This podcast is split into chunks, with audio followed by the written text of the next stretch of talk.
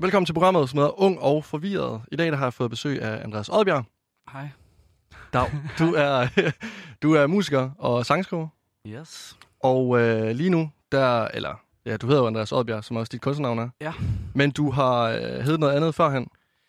Ja, eller jeg havde en duo, ikke, som Jo. øh, hed Moses Andreas, som øh, var rigtig mange troede, at jeg var Moses, men øh, Ja. det var faktisk bare mig og en, der hed Moses. der Ja, der var en anden en, som, Ja, ja, som, som- faktisk hed Moses. som, hed, som faktisk hed Moses Andreas, hvis det skal være helt rigtigt. Det var derfor, vi synes, det var sjovt at kalde det. Han hed faktisk begge dele også, og jeg hed så også Andreas. Og sådan. Ja, ja. Meget meta. Og øh, i dag der skal vi tale lidt om at være ung og øh, forvirret. Fordi Ja. at jeg er 22 år gammel, Ja. og jeg føler jo lidt, at øh, mit liv øh, er lidt en lotto lige nu. Ja, Og- jeg, føler med dig. Ja, tak. Nå. tak, skal du have. Og det er også som om, at hver gang, når jeg taler med mine venner, bekendte og sådan hører historier rundt omkring øh, med dem på min alder, så rigtig mange føler, at det er en lotto Altså, det går begge veje, Mm. fordi man har så mange drømme, og der er så mange ting, man gerne vil, men det er også bare svært at tage de rigtige valg. Ja. Og nu er du, nu skal jeg passe på, hvad jeg siger, men du er 31 år gammel. 32 år To, gammel. 32 år Ja, gammel. næsten rigtigt. Og jeg føler, du er, du er blevet et etableret navn i musikbranchen. Ja, altså jeg vil sige, min artistting er stadigvæk sådan on the rise, ikke? men som, som sangskriver og sådan internt i branchen er jeg der bestemt. Altså man kan sige, med den der Paris sidste år øh, med Lord Siva Vega, som jeg var med til at skrive, der, der, der satte vi den lige i krydset i hvert fald, som, som, øh, som sangskriver i hvert fald. Ja. Har du altid vil lave noget inden for musik? Har det altid været planen, at det var musikvejen, du... Øh... Altså det har været, det har, overraskende lang tid har jeg vidst, at jeg ville noget med det. Øhm, men jeg startede ligesom de fleste andre drenge, ligesom jeg ville være professionel fodboldspiller og, og spillede i Næsby Boldklub, som også øhm, har fostret en masse store talenter og, og var, jeg vil sige, tek- teknisk var jeg okay, men min fysik øh, fulgte ligesom ikke med på nogen måde. Jeg var, var, var meget, meget lille og, og se om at vokse og stadigvæk have meget tynde arme og ikke så store skuldre og sådan noget, så, så på den måde blev jeg, Du var ikke en forsvarsspiller. Nej, det var jeg ikke. Det var jeg ikke. Jeg vil så en af de sæsoner, jeg spillede, spillede jeg højre bak, så, men det kan man også godt slippe afsted med, mens man er lidt væver, ja. på en eller anden måde. Der er den tynde, du går bare ud i siden, og så står du bare derude og venter på, at du får bolden. ja, præcis. Der er, der er lidt noget med det. Øhm, ja, ja, så, så, så, så der, der startede det egentlig, og så, og så kom jeg med i noget, øhm, sådan noget børneteater, friluftsteater, hvor man hvor man spiller sådan hos Andersen øh, eventyr som en musical, hvor man spiller, hvad spiller man, sådan noget, 25 gange i løbet af en sommer, og, og spiller sammenlagt for 25.000 mennesker, eller sådan noget, Ja. tror jeg. Vi havde en instruktør, der hed Carsten Friis, som, som dem, der hører udsendelsen her, der har stift, der, han har stiftet bekendtskab med rigtig mange mennesker på sin vej. Ikke? Øh, og han, han er enormt seriøs, også over for børn. Han sagde ligesom til os altid, at den eneste forskel på os og amatører er, at vi ikke får løn for det. Ikke? Altså man skulle tage fuldstændig... Den første, jeg mødte på min vej også, der, der øh, aktivt bad mig om at pjekke, hvis vi havde dagen før en premiere, så var han sådan, lad være med at tage i skole, ligge og sove og lade op i stedet for. og Sådan noget. Var det den første, der sådan tog dig rigtig seriøst omkring det her, du øh, som ikke handler om fodbold, og sådan de nu lidt mere, hvis man kan sige, normale øh, ting, man går og, Ja, ja, uden tvivl. og drømmer lidt om, som... Øh, Uden Som tvivl. ung Altså, han meget, meget seriøs. Så vi havde faktisk ikke... For ikke der var hjemme for... øh, Jeg var det sidste weekend, hvor, jeg, hvor vi endte i en lidt ophedet diskussion. Min søster var også med i de her ting, og, og hans måde at være pædagogisk på var, var for nogen det eneste rigtige, og for nogen var det enormt grænseoverskridende. Ikke? Han havde Mm. kæmpe temperament, altså han har smidt man- manuskript efter mig i Nej. et alder af 13 år, hvis jeg glemte mine replikker, og smidt med stol og råbt og skræd og sådan noget. Virkelig, men samtidig også fuldstændig lige så kærlig og ligesom omfavnende og, og øh, omsorgsfuld og sådan nogle ting. Ikke? Så, så, så det, jeg tror til mit temperament, også, også øh, i forhold til det, som jeg har, lever i dag, at, at det er jo en fucking hård branche, og der er så mange, der vil det, ikke? Så, så det der med så tidligt at, at på en eller anden måde få forståelse for, hvilken disciplin det kræver, det var en, det var en kæmpe gave. var det ikke også som om, at det allerede åbnede op der, sådan, at hvis du vil det her, så skal du også kunne, altså, kunne tage nogle tæsk. Fuldstændig. Det er ikke bare en sovepude øh, igennem det her. Det her, det er sådan, enten så kan du sådan tage imod det og bruge det konstruktivt, eller så går du ned. Ja. Og det er jo i orden at gå ned. på Ja, anden måde. fuldstændig. Øh. Og der er masser, masser af hierarki, og jeg kan huske i starten, det var, det var meget sådan dem, der havde øh, hovedrollerne, blev der set op til, og, Ja. og, og de smukke dansepiger var der et eller andet hierarki i, og så sådan noget, det, det, det var meget, øh, men, men jeg, jeg, øh, det, jeg fandt jo også ud af, at jeg var god til det, og jeg, jeg, jeg kunne synge, og som drenge i den alder, sådan usikker apropos, men sådan en usikker teenage alder, og så være dreng og turde stille sig frem og synge, altså det, ja. det, det er stadig derude, hvor jeg kommer fra på Nordfyn, og det er meget uset. Du var 13 år her. Ja. Og så du går til fodbold, men du kan også godt lide det her teater og synge. Ja. Hvordan sådan, det er jo to vidt forskellige verdener, og vel også to vidt forskellige vennegrupper på ja, en eller anden måde. Ja, det blev, det blev meget delt op. Øh, jeg synes faktisk, de tog det meget godt. Dem. Altså, jeg var, jeg har nok altid følt mig en lille smule, eller, eller for, jeg var for følsom til at spille fodbold på en eller anden måde. Men altså, var det fordi, du så følte dig lidt tvunget til at spille fodbold? Fordi Nej, alle jeg, andre drenge gjorde jeg det. tror, jeg elskede det egentlig, og som sagt, jeg, altså, jeg stadigvæk øh, ser enormt mange fodboldkampe, og enormt, øh, altså, elsker sporten, men, men jeg har en meget sjov, det, det er faktisk en lidt sjov historie. Frank Hjortebjerg, der er assistenttræner i FC Nordsjælland nu, Ja. øh, gik jeg i klasse med øh, og spillede med. Han var sindssygt god, altså virkelig, virkelig god til at spille fodbold. Men også havde det der vinderinstinkt fuldstændig sindssygt, som, som man bliver jo ikke øh, assistenttræner for Nordsjælland uden at have en kapacitet og en vindermentalitet. Øh, og jeg kan huske, vi er på sådan en, øh, vi er på en, på en tur op i noget, der hedder Skavkop.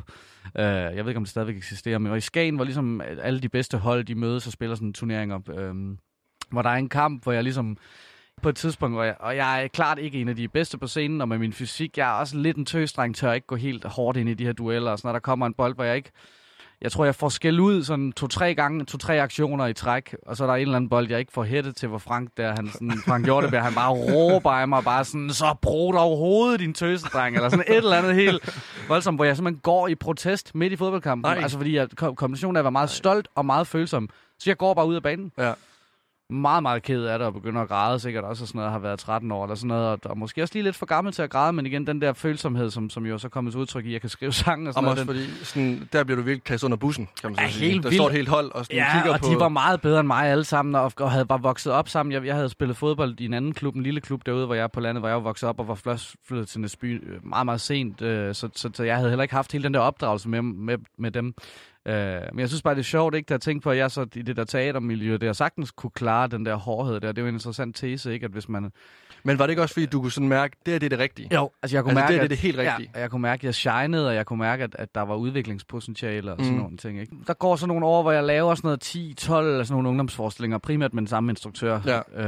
øh, og, og, og får større og større roller, og det kulminerer ligesom i nogle hovedroller, blandt andet ude i den fynske landsby, hvor, vi, hvor jeg hvor jeg er teenager, vi spiller Nattergalen, hvor jeg spiller en eller anden prins. Så, øhm, men så, og, ja, så, og så var jeg jo igennem det nogle år, og, og, og tror egentlig, på et eller andet tidspunkt, som, jeg, går, altså jeg, jeg er nok stadigvæk et barn som 13-årig, men da teenage-tingene begynder at komme ind, og man synes, at rockmusik er fedt og, og sådan nogle ting, og, og sådan hele den der mere sådan...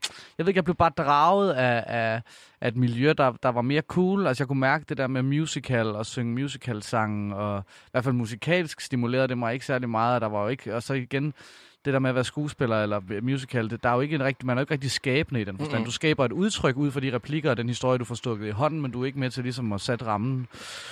Og så kommer jeg godt. på efterskole. Jeg, jeg starter første G, og, og, og lige efter 9. klasse, og, og dropper så ud der. Jeg kan slet ikke, altså alt for mange hormoner, og kan slet ikke, kan slet ikke ligesom fokusere på at, at, at lave noget skolearbejde. Nej, for hvordan fik du til, det til at passe sammen? Altså, skolen blev du vel ikke lige så optaget af, som Ej, slet ikke. alt det andet? Jeg vil sige, jeg var, en, jeg var enormt pligtopfyldende i folkeskolen, men derfor er jeg gået ud i 9. klasse, der har jeg, der har jeg stort set ikke, der lavede jeg stort set ikke lektier, tror jeg. Øh, og så, så, så ligesom, ja, jeg må komme på efterskole, og, og, og, og fandt bare nok også sådan en helt øh, uinstinkt, der, der, der, der synes, der, det var lidt nemmere at score på at, at være sådan et musikeragtig type, end at være sådan et musical-agtig type. Der var sådan, øh, på en eller anden måde, jeg tror, der var en, Ja, der, der var blandt andet, jeg gik på efterskole med en, der hedder Andreas Ringblom, som øhm, havde et projekt, der hed De Dødelige, og skriver en masse sange. Han har blandt andet skrevet, har lige haft en nummer et sang i Kina og sådan noget. Øh, og han viste mig faktisk at skrive nogle af de første sange der, hvordan, hvordan man skulle gøre det. Og så, øh, ja, der gik ind i mange år, altså før jeg vidste præcis, hvad jeg ville. Det, det, det, det, det er sådan et, et, et breaking point, er på mange måder, der er en, en dansk øh, man sige, filosof og astrofysiker og mus, musiker, der hed Peter Bastian, som jeg ser et klip med ham, hvor han, han skrev en bog, der hedder Mesterlærer, og ligesom taler om fokus, og, og har hørt et langt interview på P1 med ham, hvor han ligesom opfordrer unge mennesker til at sige, hvis der er nogen, der ikke ved, hvad de vil, eller har brug for et eller andet stille spørgsmål, så, så må de godt skrive en mail til mig. Mm. Og offentliggøre ligesom sin mail også i det der P1-program. Og så, øh, og jeg var meget forvirret. Jeg ville så mange ting, og boede i Odense, der er sådan en stor lejlighed, hvor folk røg alt for meget has, så det var svært at komme videre, og der, der skete ikke så meget. Og sådan noget. Så, så jeg skrev ligesom mail til med alt det, jeg gerne ville. Øh, jeg vil gerne, Det er efter, i, eller imens du går på gymnasiet, det her. Ja, måske faktisk senere. Det er senere. Altså, det, mens jeg har et band, der jeg har lavet, men der laver jeg sådan sideløbende både teater og musik, og ved Mm. ikke rigtigt, og der er ikke, heller ikke rigtig nogen af tingene, der sådan rigtig stikker af i den forstand. Jeg vil gerne også ind på det her med, med det band, du har spillet i, fordi ja. Det var som om, at du ville det mere end dem. altså jeg kom i det her band, som først hed Them Socks, som ja. jeg starter i, da jeg er 18 år, tror jeg. Øh, lige da jeg starter på HF, på Mm. mm. på Mulernes øh, legatskole ude i Valsmose. Og vi starter ligesom det her band, som, som er hele min skole til at skrive sange og til at lave musik. Øh, vi spiller sammen i 6-7 år, udgiver en EP og en, et album, tror jeg, under lidt forskellige navne. Vi skifter vej, navn undervejs og sådan noget. Mm.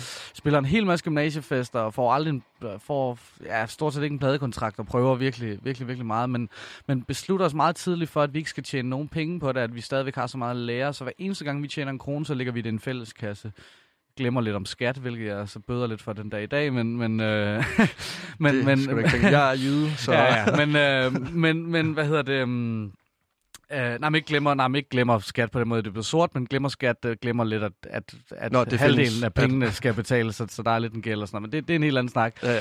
Men, øh, men vi besluttede simpelthen for at købe alt vores gear selv. Så vi i løbet Mm. af alle de her år, det synes jeg simpelthen er så sejt stadig, når jeg tænker over det, at vores mikrofoner, kompressorer, altså in-ear-systemer, højtalere, når vi rykkede ud, så var det med alt gear selv, og vi ejede alt gear selv. Det er fuldstændig utænkeligt. Der er jo ikke, ikke nogen af de her bands, jeg møder nu i dag, som har gang i den, som ejer deres egen ting. Nej. Øh, men det er jo så, fordi der er nogen, der tror på dem, hvor man så kan få et forskud, og nogen ligger ud og sådan noget. Men det her, det var, det var der jo ikke på os på den tidspunkt. Så ligesom den hårde vej og indspillede vores plader selv, og, og skrev sangene, øh, uden overhovedet at vide, hvad vi lavede.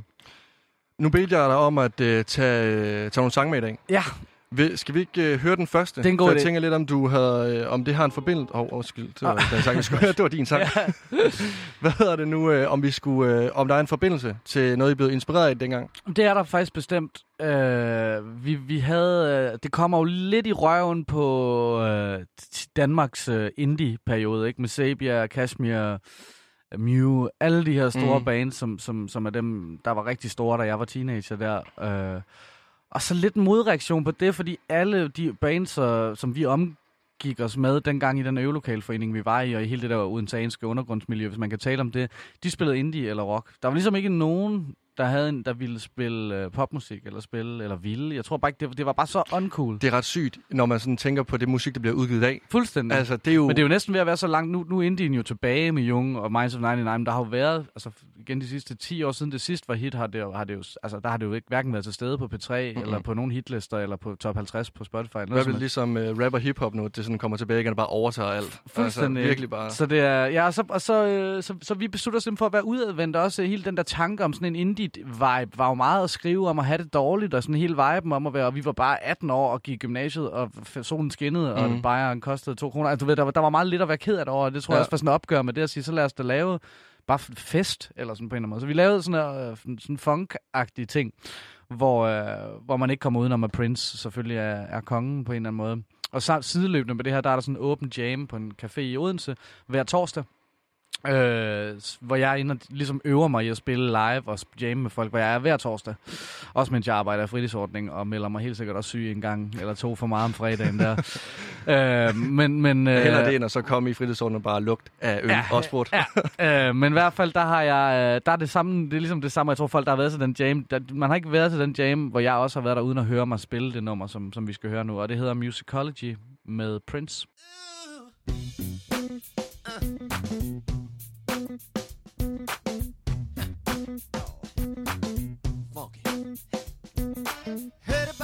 Party now, just east of Harlem. Dougie gonna be there, but you got to call, call him. Even the soldiers need a break sometime. Listen to the groove, y'all. Let it unwind your mind. No intoxication, let's see what I see. Dancing hot and sweaty, right in front of me, in front of me. It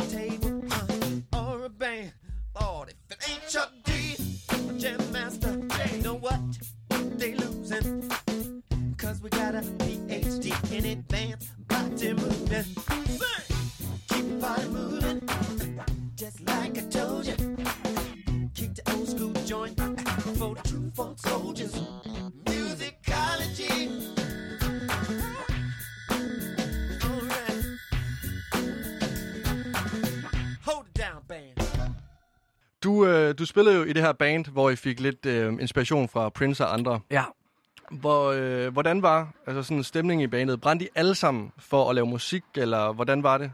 det, jeg tror, det er meget klassisk, at det startede med, at det var alles drøm, og man ligesom havde et fælles endgoal. Og så i og med, at vi var i gang i så, så mange år, så blev folk jo ældre og fik kærester, og der skete alt muligt. Jeg tror også, man kunne se sådan... Ja, det har jeg også altid haft enormt meget respekt for, det der med at kende sine egne begrænsninger på. Jeg tror, der var nogen i bandet, der sådan kunne se, at, at, at det var usikkert at hænge det hele op på, at, at, at skulle ud for eksempel og spille bas, øh, uden at i teorien at have nogen aktier i sangene, eller sådan. Altså, Altså den der familie der, det var, eller det der band, vi spillede, det var, det var, det var rigtig hårdt, især de sidste år. Altså der var, der var rigtig mange lange møder og diskussioner og sådan noget. Vi havde, vi havde en, der, der er en af sådan, drivkræfterne bag bandet der, han øhm, læste til arkitekt ved siden af øh, i Aarhus Hold da til sidst. Ikke? Og det, og, det, Hvor for det, for, for, øh, Laver egentlig musikken henne Odense, her? Odense. Okay, stadigvæk. meget, meget krævende uddannelse, og han er... Øh, ham, som var med i banen, der læste arkitekt, er enormt perfektionistisk, og meget, meget intelligent, og meget, meget dygtig til, til de ting, han laver. Øh, så, så kunne ligesom ikke gøre det halvt. Altså, han, han havde ikke, var ikke kommet ind på arkitektskolen for bare for SU. Mm, så, så lige pludselig blev det jo lavet om. Hvis vi skulle øve, så var det i weekenderne, og så skulle det være sådan noget fra 8 om morgenen, så kan jeg huske, vi mødtes, og så bare hele dagen, både lørdag og søndag. Og det er jo drænende. Det er, jo, det er jo lidt, det er i hvert fald lidt sindssygt, når man, når, når man, når man er, for mit vedkommende var, var 3-24 eller 2-23 år gammel, og bare ville lave musik fra morgen til aften øh, og øve mig, og så det der med at skulle stå og vente på nogen, at man kun kunne gøre det i weekenden, og når så endelig blev weekend, og man ligesom skulle udleve den der teenage, eller den der ungdomsting, og gå i byen og være, Ja, ja. så, så skulle jeg op klokken 8 om morgenen i de der lørdag og søndag, for at det ligesom passede med de andres liv, ikke? Og det var jo Øhm, først der, hvor du kom hjem. Altså, Ja, agtig. Altså, jeg er Nå. virkelig sådan t- trashed ud i hvert fald med, på to timers søvn med en fransk hotdog og en cola i hånden ud af Munkebjergvej ud til det der øvelokale, og har tænkt, jeg, jeg overlever ikke den her dag. øhm, men det gjorde jeg jo så. Jeg, har, jeg er jo så taknemmelig for mange af de oplevelser, vi fik der, men jeg kan huske, fordi det, det er ligesom ende, et, endeligt på det, vi, vi får, det er meget symbolsk faktisk, vi får et, øhm, vi får en, en sådan en en-deals pladekontrakt med, med et pladskab, der hedder Target. Rigtige Rigtig hustler deals. Altså, de laver ikke kun hustler deals, men, men sådan en, hvor basically vi, I får ingen penge, vi, vi uploader det et eller andet sted, og hvis I tjener nogle penge, så tjener vi halvdelen af det. Altså sådan en re- rigtig skøjet deal, ikke? Og det, Ja. dem er der desværre mange af.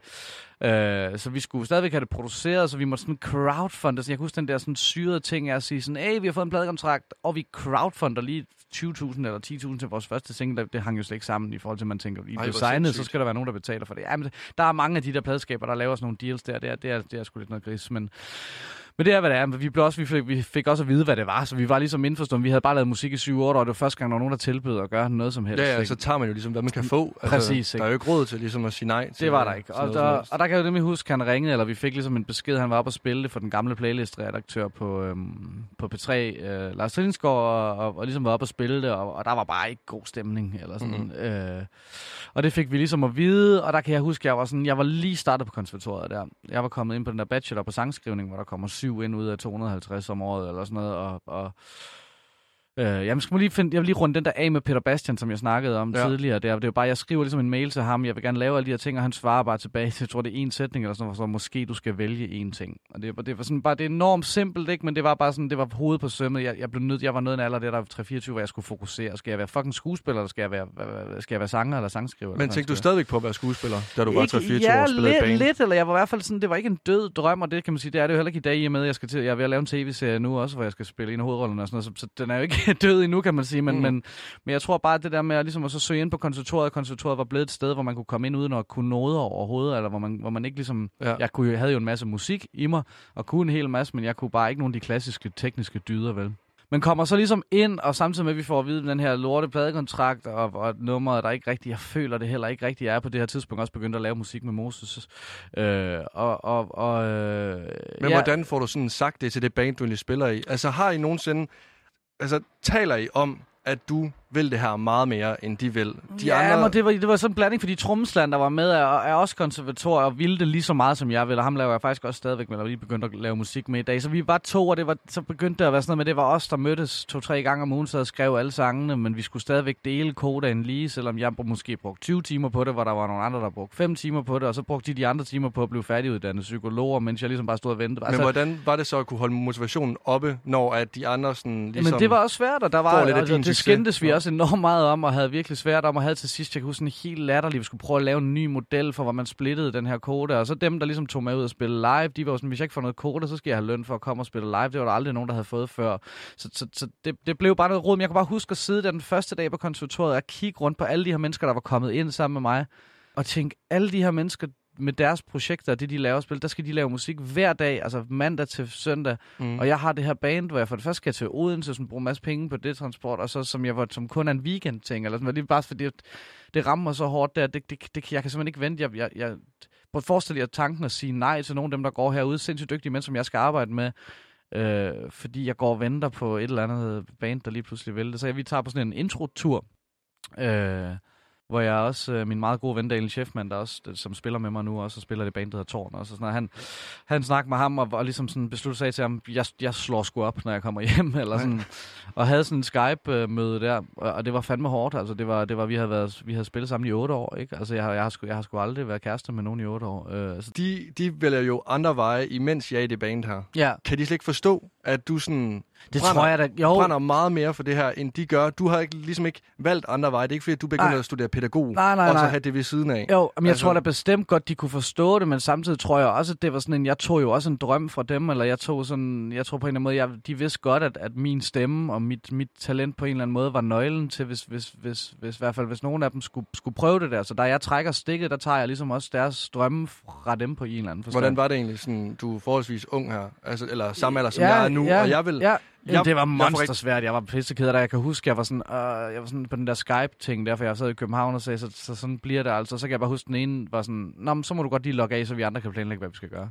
Og jeg kan bare huske, jeg var sådan, kan vi ikke lige dvæle ved, at, at men det var jo tydeligvis også en, der var såret, ikke? Mm. Altså meget pragmatisk, ikke? Og, og, Hvordan var det egentlig at flytte så til København, når dit bagland, ligesom dem, du har været sammen med i otte år, ja, var ved at ja, droppe dig på en eller anden måde, fordi du droppede dem? ja, men det var... Altså, jeg kan huske, dengang jeg flyttede til København, der var det meget vigtigt, at jeg havde mine venner hjemmefra, som jeg altid kunne sådan, få støtte af. Jamen, jeg har heldigvis en kæmpe bred vennegruppe, også ude over det band der. Det var, på Ja. ingen måde, det var på ingen måde min eneste familie, og så kan man sige, at man er privilegeret, når man starter i skole, at, at der, der, du bliver sat i klasse. Men altså, der kommer bare automatisk nogle kammeratskaber, nogle, nogle, nogle venskaber, når man starter i skole. Jeg tror, det havde været meget svært at flytte herover, bare sådan, nu skal jeg make it, nu skal jeg ned på en eller anden bar, hvor de jammer og får opmærksomhed. Altså jeg vil sige, der har konservatoriet været en kæmpe gave. Altså Ja. ja. både socialt, men også bare ja, professionelt at blive set og netværk og sådan noget. Følte du overhovedet, at det var en uddannelse, at det bare var, at, at det her, det var et step videre til din drøm? At du vidste, det her, det var noget, sådan, der skulle til for, at du kom videre i din karriere? Jeg tror ikke, jeg, jeg, havde, jeg havde brug for tiden. Det har reddet mit liv i den forstand, at jeg, jeg nægtede ligesom at lave andet end musik op til, og, og, og, og nægtede ligesom at få kontanthjælp, og nægtede sådan nogle ting, fordi så skulle man i noget aktivering, og jeg nægtede ligesom, selvom jeg ikke så jeg havde været flad, altså meget, meget flad. Jeg har slet ikke haft et hævekort, fordi jeg ikke havde noget kontakt med banken. Jeg havde ikke engang et sygesikringsbevis, og jeg boede ikke rigtig noget sted. Så sidst halvandet år op til at komme ind på koncert, i hvert fald det sidste år, der, der havde jeg ikke rigtig noget sted at bo, og, og, øh, og havde ikke rigtig nogen penge, og havde ikke åbnet mine rodekuverter i mange måneder. Da du flyttede til København, der havde du ikke noget sted at bo. Øh, Jo, jo, jo, det havde jeg ikke i Odense. Så da okay. jeg ligesom kommer ind og får det, den første SU går ind på min konto, der tror jeg ikke, der var gået så mange. Altså, det var bare den helt lave. Jeg tror, jeg fik, jeg gik der 5.000 ind eller sådan noget. Der var ikke gået så mange penge ind på min konto i fire år eller sådan noget. Så, men det, det, var da, det var da specielt at starte på, på konservatoriet. Det var sådan lidt, det er sådan lidt Hogwarts-agtigt for mig, det sted derude. Altså, der er sådan... Ja, folk er derude om natten, og folk sover i de der øvelokaler, og der møder lærere på arbejde, der starter med at sætte sig ned til søen og, og, og ryge en stor jointer. Altså, du ved, det er sådan... Det er en ny verden, man lidt kommer ind i, eller man ser... Ja, det minder bare alt det, det hele ens opdragelse om, hvad skole er. Det, det er det bare ikke. Altså, det, det, det, det er bare noget andet på en eller anden måde. Du var fuldstændig i øjenhøjde med dine lærere, ikke? Øh, ja, det var, det, var, det var meget magisk, men også svært at balancere til sidst, i og med, at vi fik så meget gang i den øh, med Moses Andreas, at, at det, ja, det sidste år var det, var det svært også at tage skolen i en eller anden øh, branchefase opgave op imod, og jeg skulle, og jeg faktisk øh, havde en session med en artist i den virkelige verden. Altså det, Ja. ja. det sidste år for mig, jeg, jeg to år, jeg, jeg skulle måske have taget overlov det sidste år, det sidste halve år, men altså, Har du øh, en sang, der passer til... Øh... Altså, jeg har taget en anden sang med, men det var mere bare, fordi jeg har taget nogle sange med, der sådan definerede mig musikalsk på en eller anden måde. Ja, og det er bare, fordi det er, så, det er, så, det er ligesom så, så forskellige grøfte. Altså, det er det nummer, der hedder Lover, You Should Have Come Over med Jeff Buckley. Når jeg spiller live og sådan noget, har jeg jo også noget lidt sådan en, en, et, man kan godt se dramaet i min øh, performance. Man kan godt ane også i min sangskrivning, den der teaterbaggrund og musicalbaggrund, og jeg har sådan noget sådan nogle lange falset opera toner, som jeg gør, når jeg spiller live, og så sådan noget, som i virkeligheden slet ikke går i, i går i spænd med hverken sådan den funkede eller soul ting, jeg har lavet, eller heller ikke popmusik, men som virkelig er sådan indie Andreas, der bare sådan har, har dyrket den der Grace-plade, som så mange andre har med Jeff Buckley. Lad os høre det.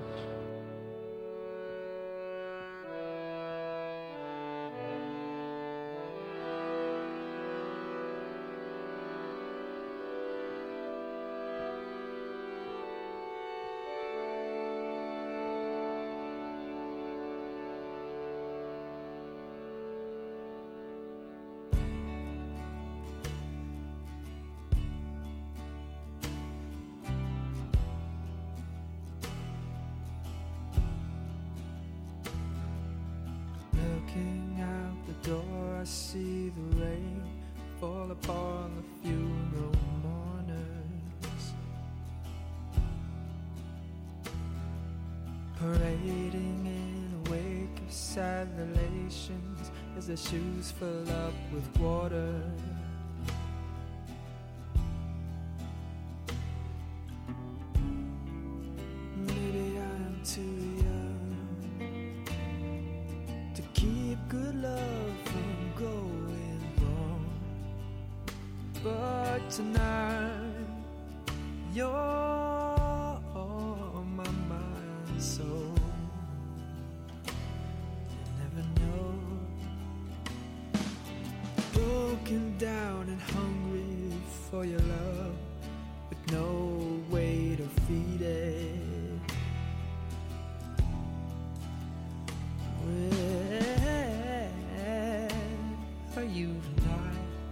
You know how much I need it.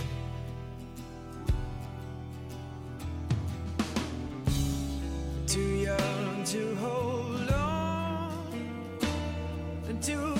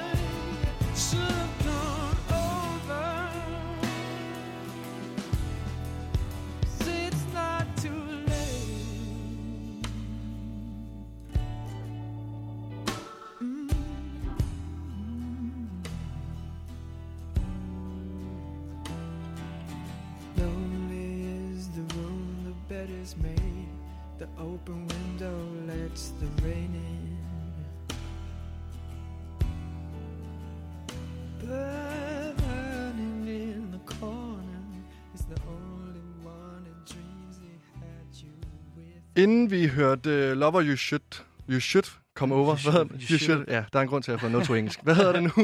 Um, der talte vi om, at du var kommet ind på uddannelse herovre på konservatoriet. Du flyttede fra Odense af, Ja. droppede det band, du spillede i. Ja. Men inden du startede på konservatoriet, der prøvede du også lidt at gå en anden vej med musikken. Altså, Eller jeg ikke en anden vej, øhm, men prøvede en ny løsning på, for Altså, at... der er jo, det er jo sådan to del, ikke? At der er jo... Da jeg er 18 år der, der går jeg til optagelsesprøve på X-Factor. Eller audition hedder det vel egentlig bare.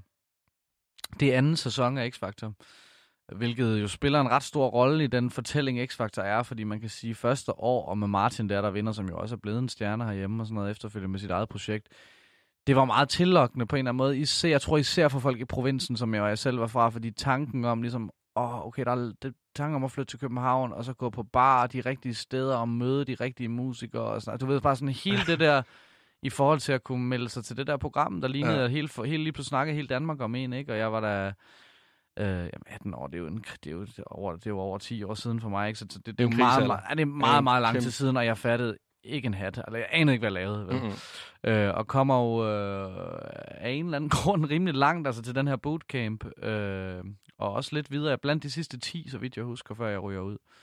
Øh, ja, og det, det er jo sjovt, fordi i dag, når de unge mennesker går til X-Factor i dag, jeg tænker på en eller anden måde, og dem, der lader være med at gøre det, det, det, det har en helt anden, fordi det er blevet sådan, det er nærmest kulturel institution i vores samfund, og vi Ja. har et, man kan kigge på, at der er måske, hvor mange af vinderne er egentlig blevet til noget, ikke? Det er måske ingen, udover Martin, ikke? Nej, men det er jo det, og dem, der så er blevet til noget, det er ikke engang dem, som har vundet, altså City Nej, Boys. præcis. Men, øh, men man kan så sige, at det der det er jo meget sjovt, for det der år, jeg var med, udover mig, så var Mads Bo fra Flake var med på bootcampen der også, Som også røg ud. som også røg ud. Bjarke fra Queen Machine, Da- Danmarks største øh, Queen øh, coverband, Ja. synger helt hjernet til det godt.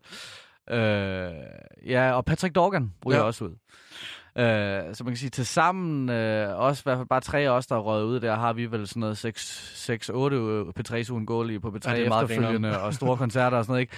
Så, så, så, så, men det siger bare noget, for jeg tror ikke, den slags talenter på en eller anden måde stiller op i dag, Nej. efter at det er blevet. Jeg tror, det, det var, man havde et godt indtryk af det, og det føltes rent, og så samtidig med, både, både Mads og Patrick også på, ligesom mig, har været, har været omkring de 18-19 år på det tidspunkt. Men hvordan var det og så at ryge ud for noget, at du tænkte, det her, det er vejen til min drøm? Altså var det... Jamen, og det tænker jeg bare ikke. Altså, jeg Nå. Tror, det er også det, fordi det er sådan... Jeg ved det sgu ikke. På den måde har jeg sgu nok også været sådan lidt fynsk realistisk i en eller anden forstand, for jeg kan tydeligt huske, at vi ryger ud der. Der ryger jeg... Jeg får at vide, at jeg ikke er med, og så en, en gut, der hedder Marcel, som, som, øh, som synger kor nu for en hel masse, blandt andet. Jeg har også været med Melodi Grand Prix og sådan noget. Øh, og han bliver sindssygt ked af det. Er også lige et par år yngre end mig. Ja, du er Øhm, 18-19 år her. Ja, pr- præcis, Okay. og han er 15, 16 eller sådan Ja. noget. Og han bliver sindssygt ked af det. Han ender så med at blive komme med i en gruppe og være med det over alligevel i den der gruppe, der blev dannet og sådan noget. Så, så hans Altså Boca Loca. Var det det om nej, Boca Loca? det var ikke Boca Loca. Det var, har de overhovedet været med i? Nej, ja, nej det hed uh, Alien Beat Club, ah. tror jeg det hed. Men i hvert fald så... Øh, så jeg kan bare huske det der interview, at vi kommer ud, hvor jeg er sådan, ja, vi skal bare være glade for noget så langt. Jeg virker simpelthen så afklaret, så selvfølgelig er jeg ked af det, men jeg tror også med bandet og sådan noget, på det tidspunkt troede vi stadigvæk så meget for vores band. Jeg tror, vi var sådan lidt, uh, hvis jeg skulle i live show der og sådan noget, der var der så, altså der var jo, altså, jeg tror næsten, der har været 200.000 seere om ugen mere, end der er nu på Jamen, det er jo X-Factor. virkelig altså, det var blevet- kæmpestort. Altså, Der var de der på Rådhuspladsen, og så finalerne var i parken og sådan. Altså, det var jo kæmpestort det ja, X-Factor på det tidspunkt.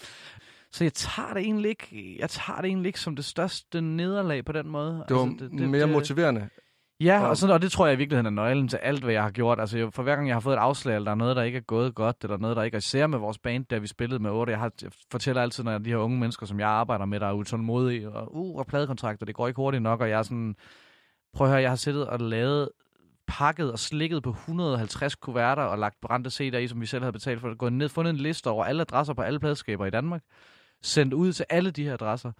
Og ikke hørt fra en eneste. Ikke engang så meget som et tak. Men hvad gør man? Altså, vi, Jamen, så tænker man bare, at musikken er god nok, som laver noget mere. Altså, det, og det er sådan, har det været hele tiden. For hver gang jeg ikke har ramt den i røven, så har jeg bare tænkt, så må vi lave noget, der er endnu bedre. altså får hjælp udefra, eller tænker du bare, Ja, jeg kan godt selv høre min, min, Ja, min ja, mangler og fejl? Ja, det, måde. det kunne jeg ja, til dels, men nok ikke helt. Altså, jeg, jeg tror, jeg tror, øh, hvad fanden, jeg, jeg tror, det har, det har nok i virkeligheden aldrig føltes som et valg. Altså, det har kun føltes som et spørgsmål om tid. Altså, du har aldrig nogensinde haft en plan B, hver gang, at du ikke har fået svar Aldrig. for de her pladeselskab, så har du ikke tænkt, skulle man egentlig også bare tage den lidt mere, jeg ved ikke, sikre vej, og så bare tage en uddannelse som... Jeg startede på lærerseminaret og gik der og sådan noget, men det var noget værre bøvl også, for jeg kunne jo ikke... Øh, det var jo bare for at få SU. Altså jeg tror et eller andet sted sagde jeg måske til mine forældre en enkelt gang eller til mig selv, det kunne da være meget fint at være lærer, og så var der tid til alt muligt, men der var jo ikke et gram af mig, der gad det i virkeligheden. Hvad har altså. dine forældre egentlig sagt til det her med, at du vil satse på noget, der er rigtig stort og svært, og noget, som altså ligesom at komme igennem et nåleøje, frem for at... Jamen, ja, jamen, det, som forstår- forældre egentlig godt vil have, med at man skal tage en uddannelse, Ja, som, jamen, fuldstændig. som, hvor Jamen, man så ved, når man har taget en uddannelse, så er der arbejde til dig. Jamen, jeg er privilegeret i den forstand, at de begge to gav op på en kreativ drøm. Øh, lidt på grund af, hvor de kom fra. Og de jeg tror bare, de har haft det sådan fra starten, det, skal, det skulle jeg ikke. Den opbakning, de ikke fik, øh, min far fik det nok ikke så meget hjemmefra. Måske lidt, måske ikke. Og min mor øh, fik en mand, hendes eksmand, øh, som, øh, som slet ikke... Hun stod imellem og skulle flytte sammen med ham et eller andet og vælge at blive designer. Og den, den, hun syr, syr også brudekjoler den dag i dag, og syr er meget, meget dygtig til at sy, øh, men gik ligesom aldrig 100% efter den der. De endte sådan et sted begge to øh, som sygeplejersker og skolelærer, sådan en helt middelklasse midt imellem, og har nogle dejlige liv og er glade, og på ingen måde, det er ikke sådan nogen, der går rundt og, åh, gid jeg kunne have. Mm-mm. Men, men jeg er ligesom opdraget med devisen, du skal gøre det, du synes er sjovt, og så skal du gøre det fucking ordentligt. Øh, det, er ligesom, det tror jeg ligesom er, det er den måde, jeg er blevet opdraget på. Så, så der har egentlig aldrig været noget. Og så med det igen sagt, da jeg kom ind på konservatoriet, blev især min mor meget, meget glad. Ja. Altså, det, det, det var lidt nemmere at forholde sig til. Jeg kan også godt forstå det der med at sidde til, de sidder med deres venner og sådan noget, hvordan går det med jeres søn og sådan noget. Så kan man, nu er han inde på musikkonservatoriet. Det ved folk i det Ja, mindste, ja. hvad er. Han Ja. får en bachelor og sådan noget. At det der stykke papir, man så får på den anden side af konservatoriet, at, der, er- at det betyder nul. Altså, Men synes der- du ikke også bare, det var drænende på en eller anden måde, det der hele tiden at få at vide, når man skal du ikke også i gang med at studere? Altså, det kan godt være, at du laver musik og prøver at slå igennem med det, men, men skulle du ikke bare lige tage en Det er uddannelse? faktisk det er kun min farmor, der har... Jeg har haft nogle bitte små clashes med min farmor, som er sådan ud af en sådan øh, meget marineblå magasindame, der, der, der er ude af en købmandsfamilie og sådan noget. Jeg tror, for hende var det svært. Selv min farfar, han, han, han havde også, skulle også vælge mellem på et tidspunkt i sit liv. Han endte med at blive skoleinspektør og kommunalpolitiker, men meget, meget dygtig klassisk violinist mm. også, ikke? Øh, så det har ligesom løbet flere led igennem. Der er bare aldrig rigtig nogen, der har tur at tage ture er den ene øh, aspekt af det, men også haft øh, øh, på en eller anden måde været skabt til det. Fordi, Mhm. mm. at, fordi at som udgangspunkt, jeg siger altså, min søsters øh, musikalske talent, da vi var mindre, var meget større end mit. Hun har bare ikke haft... Øh, hun har bare haft brug for et sted at bo, og penge til at kunne købe det. Hun havde noget nyt tøj en gang imellem, og sådan nogle ting. Det er den der periode, hvor jeg bare var fuldstændig flad og sov på sofaer i sådan noget halvandet to år. Ikke? Det, det, det kunne hun ikke. Eller sådan, det tror jeg ikke, hun, hun havde psyken til på en måde. Hvad sagde dine venner egentlig til der med, at du ikke har noget sted at bo, og du egentlig bare pendlede rundt på sofa og sådan noget? Nu bor jeg selv hos, øh, ja, på min søsters sofa ja. og sådan lidt. Altså, jeg kan da godt mærke, at mine venner støtter mig der, og det, det er helt 100, men der er også nogle tanker omkring ja. det. Skal du ikke bare lige... Og der er en altså. udløbsdato på det også, det vil jeg da også sige på en eller anden, på et eller andet tidspunkt. Min strategi var ligesom, hver gang jeg havde penge, så brugte jeg bare dem alle sammen på mine venner. Altså lige med det samme. Mm. Så selvom jeg for eksempel havde haft penge i 14 dage, så hvis jeg fik 1000 kroner for et job, et eller andet, så brugte jeg alle 1000 kroner samme dag på at give mine venner ting. Mm. Og det var ligesom bare, det gjorde, at når jeg så ikke havde noget alle de andre dage, så var der en hel masse venner, der havde haft en kæmpe fest, og så kunne man lige sådan, du ved, så, så gik det ligesom op. Eller sådan. Men de bliver aldrig nogen sådan... sådan kan, altså, er det også en god idé, det her, du er i gang med? Du mærker ikke De nogen har ikke tvivl? sagt noget. Jeg har Mm. ikke, jeg, jeg, de har ikke sagt noget, vil jeg Nej. sige. Øh, det kan da godt være, at der er nogen af dem, der har tænkt det. Ja, men jeg vil sige, det var der også. Jeg var da også selv i tvivl, og jeg kan huske, at jeg havde sådan i hvert fald to år, hvor hver eneste gang, inden jeg gik i seng, øh, lå og tænkte, nu skal du lave det der musik. Jeg havde så svært ved at komme i gang med at lave det. Ja, for- jeg havde bare sådan, jeg havde en helt klar vision, men, men det, det endte bare med at være sådan et loophole af... Jeg, havde- eller jeg havde virkelig brug for det der konservatoriet. Jeg havde virkelig brug for, for at få de der rammer og få den der ro i, at jeg ikke skulle tænke på... Der er jo også lavet nogle studier nu her, der viser, jeg tror, at det er sådan noget 20 procent, øh, man, altså ens effektivitet i forhold til kreativitet øh, og udret ting i det hele taget, ens hjerne, bliver nedsat med omkring 20 procent, hvis du hele tiden skal tænke på, hvordan du får dit næste måltid mad, eller hvordan man, hvor man skal sove henne, eller sådan. Det, det, det er ikke godt for kreativiteten, vel? Så mm. på et eller andet tidspunkt, så, så, så vil jeg også sige, at det der med at få den der ro der med kons, som kon- konstgamer, det, det, det gjorde også, at min udvikling lige pludselig stak af. Øh, Ja. Ja. Efter du så øh, kom ud af det her X-Factor noget, ja. så er der endnu et talentshow. Der, og det er igen lidt samme princip, at der har været det her Voice, Danmarks største stemme, hvor jeg har set første sæson, og tænker egentlig, hmm, det virker fint, og igen, der sidder jeg virkelig fast i Odense. Jeg er virkelig sådan, okay, jeg, jeg føler, når jeg synger, og jeg så lytter til mig selv synge, føler jeg, at jeg synger fucking godt. Altså, jeg har virkelig sådan en følelse, at det lyder virkelig godt, og jeg Mm. hører folk, der klarer den og kommer frem, og i fjernsynet, hvor jeg bare tænker, det, Det der- kan, det kan jeg også. Ja. Altså, jeg har bare sådan...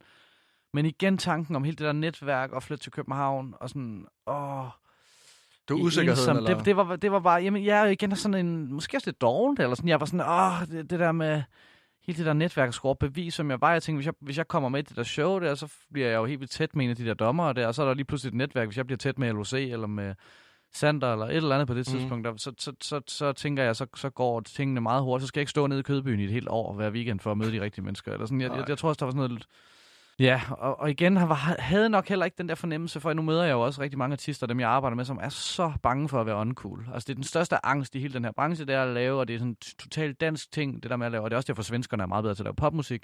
Vi er så bange for at lave noget, som bare som folk forstår, og som er folkeligt. Altså ja. Ja. ordet folkeligt er næsten fy, hvor jeg har det sådan, jeg synes, det er det, altså, det fedeste i hele verden. Men, men, men det, ja, og så det var med Voice der, det var egentlig, ikke- jeg var ikke så bange for at, at stille op i det. Jeg tænkte også bare, så længe jeg er fucking mig selv hele vejen igennem, øhm, Men hvordan viste du så det med at være dig selv? så Kom var ind. super anarkist til den der precasting der, øh, var jeg skide skæv. Altså jeg sidder ude på staden og kom ind, og de troede, men de troede så, jeg var meget mere end skæv. De troede, jeg havde taget alt muligt.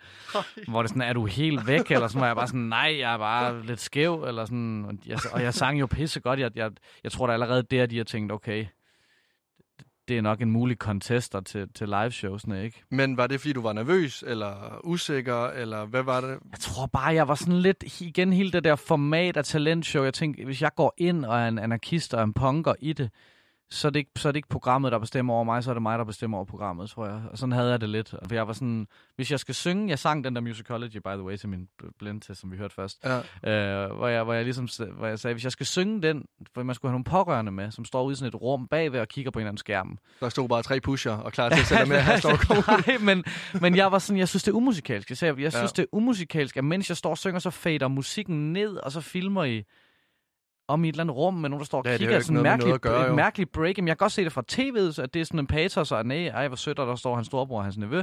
Men fra en musikalsk side som musiker, der er det pisse umusikalsk at fade ned for musikken, mens jeg står og synger for at vise et eller andet. Mm. Øh, Så, så det vil jeg ikke. Hvis jeg vil ikke have, at der kommer nogen. Så det var sådan lidt langt, og så var det, og de ville jo sindssygt gerne have mig med i programmet, for jeg var også god tv, i og med, at jeg bare sagde, hvad jeg passede mig. Og sådan noget. Så det var jo sådan et kompromis at give det massen, og øverste led ned og sidde på en bænk. Okay, men hvad så, hvis de kommer, men vi ikke filmer og klipper om til dem, øh, før at, øh, du er færdig med at synge? Ja. Så måtte vi lave kompromis om det. Ej, hvor Øh, og sådan hele vejen igennem. Jeg, skulle ud. jeg kunne huske, at jeg udfyldte sådan noget pressemateriale på et tidspunkt. Enormt, der får man også indblik i, hvad sådan noget er. Jeg kan huske, der var sådan et spørgsmål der. Er der noget, du aldrig har fortalt nogen før? Hmm.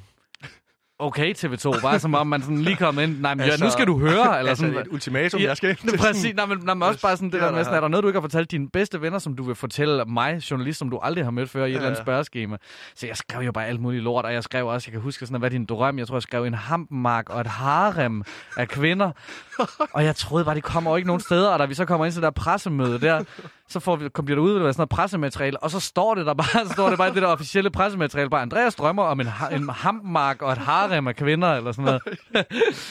øh, og det var lidt sådan hele turen, også, også efter have, sp- have spillet, øh, eller have optrådt der i en aften, hvor jeg går videre, hvor der er en eller anden journalist, der spørger, hvad skal der så ske nu? Og så er jeg bare sådan, jeg skal bare ud og have en kæmpe stor joint, og så bare på forsiden af BT næste dag, Andreas, nu skal jeg ud og have en stor joint, står der, så er der sådan noget. Altså, så det var meget af sådan noget... Øh, Det griner mand. Øh, ja, og jeg endte jo så med at blive nummer to i det. Øh, og jeg har lidt sådan en ongoing ting med det der med folk, der siger, ej, var det ikke godt, du blev nummer to. Så det er altid nummer to, der bliver sådan noget, og sådan noget med X-Factor. og Sådan noget. Og jeg tror ikke, der er en skid med det at gøre. Nej, altså enten så har du den, eller så har du den jo Præcis, ikke. Om så er du forudsæt- blev nummer 10. Ja, ja, altså, præcis. prøv Forudsætningerne, noget gøre, det jo. nemlig ikke noget med det at gøre. Nej, men der er Altså- sådan en eller anden misforstået ting. Er det ikke altid nummer to? Som om, at det der tal lige den aften, og den, altså, øh, at det afgør... Ja, Hvad sker der så her efter Voice? Hvor, øh, hvor, er du, hvor Jamen kommer så, det så hen? øh, jamen hvad fanden, der har jeg jo stadig, det er lige før jeg, der, er jeg- der, det er vi lidt tilbage i historien, for det er før jeg kommer ind på koncert, så jeg har stadig det her band, men der begynder det faktisk allerede at trække, for jeg, der, der har jeg også den der ting med Moses Andreas, og det hedder mit første, øh, altså vi kommer ligesom ud med den her Ja.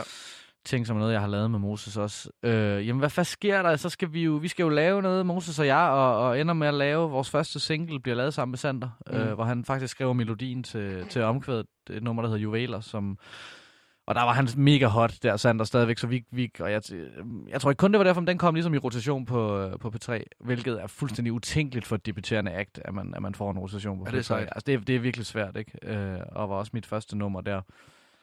Øh, ja, og så går det jo sådan set bare, som det, som det gør, ikke? At, at øh, og, og Moses og jeg har jo en hel masse, et kæmpe eventyr, og spiller en masse koncerter, og har det der kassetter, som, som bliver et, øh, et radiohit, og, øh, men igen når også til et sted, hvor, hvor han skal vælge lidt, om han skal være familiefar og bor stadig på Fyn og gøre hele vej, rejsen det her. Jeg tror også, han finder ud af, den der drøm om familie, han havde på en eller anden måde, at, at, at, at økonomisk, det, altså, det, det var virkelig sådan, der var lang vej. Altså han kunne måske, han kunne se udsigter til at købe det der hus om 20 år eller 15 år eller sådan noget, hvis det gik i det tempo, det gik Ja. der. Ikke? Jeg tror, han fandt ud af, at det var, og han fandt nok også ud af, at nogle andre ting i processen, der interesserede ham. Altså han synes, det er mere, han synes lidt, det er federe at vælge, hvilken mikrofon du skal indspille med, end hvad du synger i den. Ja. Og så skal man, nu han arbejder som lydtekniker på TV2, ikke nu? Mm. Øhm, ja, men igen et meget, jeg er gudfar til hans barn, og et meget, meget, øh, det, var, det var et meget fint brud, vi havde der. ja, det var ikke ligesom bandet. Slet tilbage ikke, og jeg vil faktisk også sige, at vi, vi kalder det også stadigvæk lidt på pause. Skulle der ringe nogen nu og sige, kommer I ud og spiller med Moses Andreas til sommer et eller andet sted, så tror jeg også lige, vi kigger hinanden i øjnene og siger, skal vi gøre det for hyggens Ja, skyld? meget eller sådan, ja, Ja, ja. der er så god stemning. Øh, Når sådan, du både har med bandet, du sådan har været lidt i opløsning med, og X-Factor rører ud, og Voice bliver nummer to, og så det her igen kommer sammen med Moses, og så går det også i opløsning. ja. Har den der usikkerhed, altså usikkerheden omkring det, at det nogensinde skal blive en succes. Du har stadig motivation, men den her usikkerhed, både på dig selv, øh, om talentet. Mm. Du, er Mhm. godt, du er godt klar, at du kan noget, ja. men usikkerheden på, om det nogensinde bliver en levevej, om det sådan rammer dig. Jeg siger, den sidste usikkerhed om, dør faktisk, da jeg kommer ind på konservatoriet. Altså, det, det, det er sådan, selvfølgelig er man ud, ikke, ikke, ikke den sidste usikkerhed, men det er sådan i forhold til, om man kan, men så er der så bare så mange andre ting, der spiller ind om, om en talent. Altså, det, der er jo så meget timing i det. Men tænker du, da du kommer ind på konservatoriet, når du møder de her mennesker for første Ja. gang, der faktisk er lige så dygtige, måske Ja. dygtigere end dig, du tvivler ikke på dine egne evner og føler lidt, at Nej, fordi jeg finder ret hurtigt ud af på konservatoriet, at det er meget, meget få musikere, i hvert fald derude, der interesserer sig for at lave popmusik, som jeg gør, som er min allerstørste, sådan, altså det, jeg synes er allermest spændende. Ikke? Og Mm. det er jo også det, hvis det så lykkes med at lave popmusik. Øh, hvis du ikke lykkes med at lave popmusik, så sker der ikke en skid. For der er ikke nogen upcoming festival eller en eller anden hip indie rock festival, der gider at booke et okay popnavn. men, men, men, men når det så først lykkes, så er det også skide sjovt, ikke? Altså, så, så, kan man også, så kan man også mærke det økonomisk, og så, er det, så, er det, så minder det om en levevej i den Men jeg tænker bare det her med at omgås så dygtige mennesker. Man vil jo gerne være en fed person, som folk kan lide. Ja, Var, var, Jo, men jamen, du, faktisk, du rammer altså... faktisk hovedet på søm, fordi der var, i mit første år på kunst var, var gennemsyret enormt meget usikkerhed, fordi jeg kom med de her indie øh, mennesker, som, som, som, som, som, som var så cool og gik i så cool tøj og, og, var meget sådan et, et, et, var inde i et miljø og kendte en hel masse cool mennesker. Jeg, jeg følte mig sgu lidt som bundedrengen fra Fyn på en eller anden måde. Men jeg kunne så også mærke, jo længere vi kom ind i det, at, at, at, at jeg fik mere og mere tur i den, og, og, og der skete måske lidt det samme for dem, hvis ikke mindre, som, som der skete, øh, da de kom ind altså min udviklingskurve, jeg var klart den, en af de største underdogs, jeg kommer ind, og, og, og som artist øh, klart en af dem, det går bedst for at få hele min overgang nu, ikke? Hvad det så kommer af, der, det kan man pege på alle mulige ting, men jeg tror da klart, det har noget at gøre med den der usnoppede. Altså ikke- ydmygheden ja, måske, Ja, ydmygheden, og, og bare, ikke er, bare- bare ikke er bange for at lave noget, der er fucking simpelt og mega sådan... Og som et nummer, der bare gør folk glade, får folk til at smile lørdag morgen. Ikke? Jeg, hørte, jeg husker, jeg hørte sådan en talk om det der med hits en gang, der er en, der siger, at, og jeg laver bruger selv et billede, et rigtigt hit, det er i hvert fald et rigtigt radiohit, det er, du har forestillet dig en sådan kold februarmorgen, en, en mor til, øh, en enlig mor til tre, de her børn slås på bagsædet, bilen skal sådan rimes af, og det er sådan rigtig lort, den vil ikke helt starte. Hun tænder radioen, og dit nummer kommer på, og hun har aldrig hørt det før. Hvis hun ikke skifter væk igen der, hvis hun ikke skifter væk fra nummer, og hun aldrig har hørt det igen, så har du et radiohit. Ja, det er et perfekt eksempel. Altså, det, Nå, men fordi det er det, fordi det, det, det, det er overskud, og det er der, de almindelige mennesker bruger det. Hvis hun lige får sådan, ej, sikkert en catchy lille melodi, der lige glemmer de der skrigende børn på bagsædet i, i, i, i tre minutter, eller du ved, det er mit største mål. At give folk et lille smule mere overskud, et lille smule mere håb, et lille smule mere energi, et eller andet i deres hverdag, hvor den der, den der dybe med en eller anden lang sort hår og sorte øh, arkitektbriller, der sidder nede i en eller anden kælder i Kødbyen og tripper over din LP, som der er 10 mennesker, der har hørt, Fair nok, altså den slags musik skal der også være. Det siger mig bare ikke noget. Altså det, det, det, det, det er folkeligheden, det er den store masse, der, der mødes til en stadion og ser mig spille. Det, eller sådan, det, det er det, der interesserer mig på en eller anden måde. det er ikke om at være mest artsy. Nej, skal for jeg, giver ikke en, for, jeg giver ikke en fuck for dig. Nu har jeg også set så mange uh, fucking ulykkelige artsy musikere, der står på et eller andet dunkelbar, eller hvad fanden det hedder, og serverer øl hele ugen, og ser helt trætte ud, og går ned og laver deres indie-musik, og sådan, åh, sådan helt øh, udmattet, altså af, at der ikke er ressourcer, igen det der med ressourcerne til det. Mm. Og der er også nogen, der har det helt fint med det. Jeg skal heller ikke pege fingre, der er også nogen, der er rigtig glade for dem. Jeg møder bare så mange, der, der, ikke, der er fanget i, at de ved ikke, om de vil det ene eller det andet. De vil gerne la- leve af deres musik, men de vil også gerne lave noget, som deres venner øh, nede på bakken synes er rigtig cool. Og hvordan fanden gør man det? Ja, du, og, og det er jo det. Man må jo bare indse, at du kan ikke gøre alle glade. Nej. Du kan ikke være fed over for alle. Du er nødt til sådan lidt lytte lyt til dig selv og, og gøre, hvad man altså, Præcis. selv kan se en mening i. Øhm, usikkerheden med at starte på øh, konservatoriet. Følte du ikke også en form for ensomhed? Det der med at, at komme et nyt sted hen, nye mennesker, der, nu sagde du, du var en underdog. Det, altså, jeg vil have det.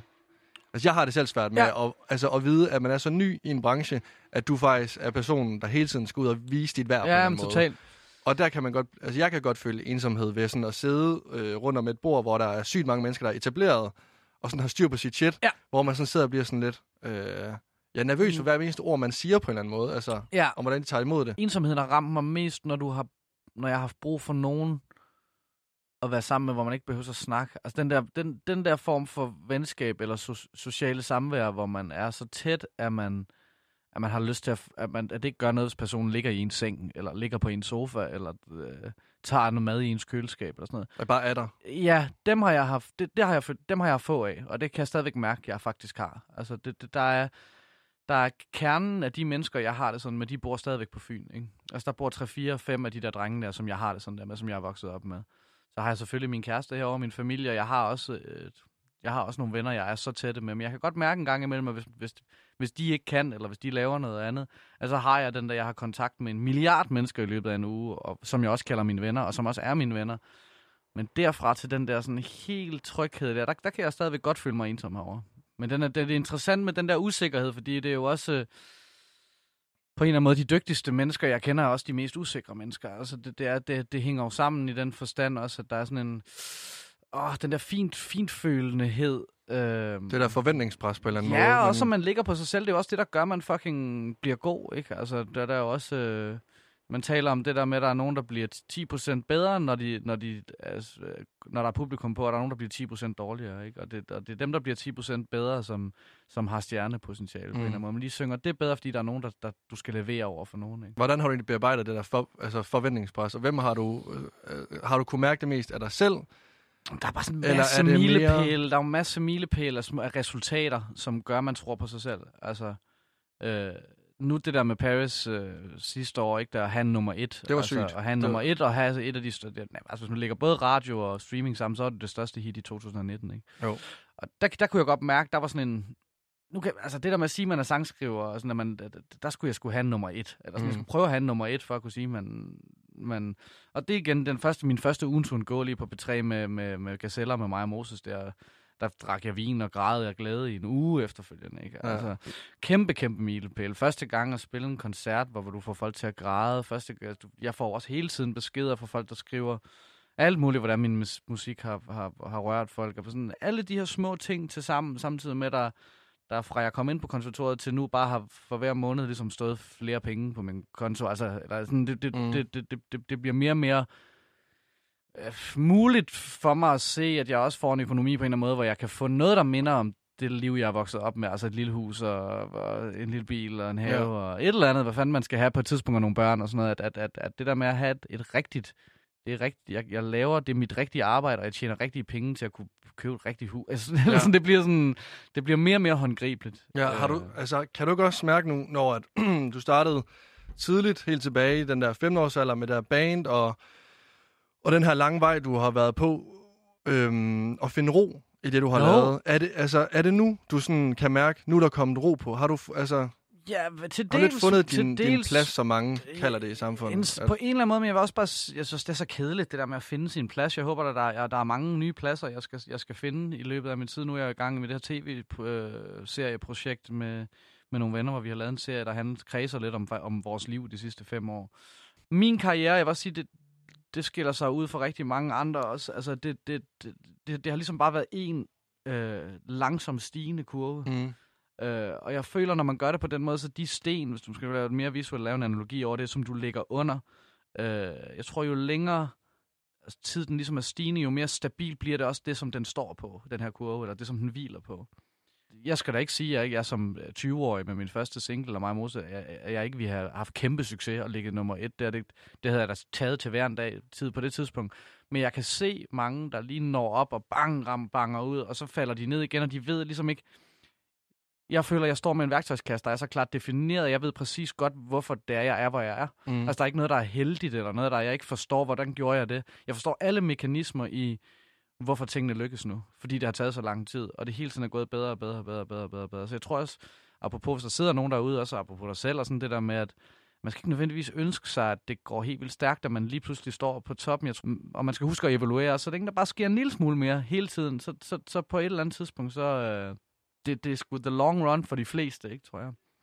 Også for at få et, et, et, et begrebsapparat, altså en, en værktøjskasse, som jeg siger, det der med at sige, jeg tror, hvis du rammer nummer et som 18 eller 19 år et eller andet, så kigger du ned i værktøjskassen, og der ligger 50.000 stykker værktøj, men du ved ikke, hvorfor et af dem du brugt til at ramme det der helt Mhm. vel. Hvor jeg kigger ned, mit det ligger fint organiseret, jeg ved præcis, hvis det er den her slags sang, så er det det her, jeg skal tage. Stadigvæk noget kreativitet, jeg skal stadigvæk opfinde et eller andet nyt, når det er. Men 90% af det at lave en sang, der virker for mig, 85%, det er håndværk nu. Altså, Det er nogle kloge ord. Og jeg tænker, rigtig, men det, jeg tror rigtig mange kan tage, øh, tage til sig. Jeg føler lidt, tiden den er rendt øh, lidt fra os jamen det er den, det er Så, den nok øhm, også, ja. Vi skal til, eller jeg vil sige uh, mange tak, fordi du kom. Jamen Det har tak. været en kæmpe fornøjelse. Tusind tak, og øh, måde. virkelig været dejligt at uh, tale med dig. Fedt.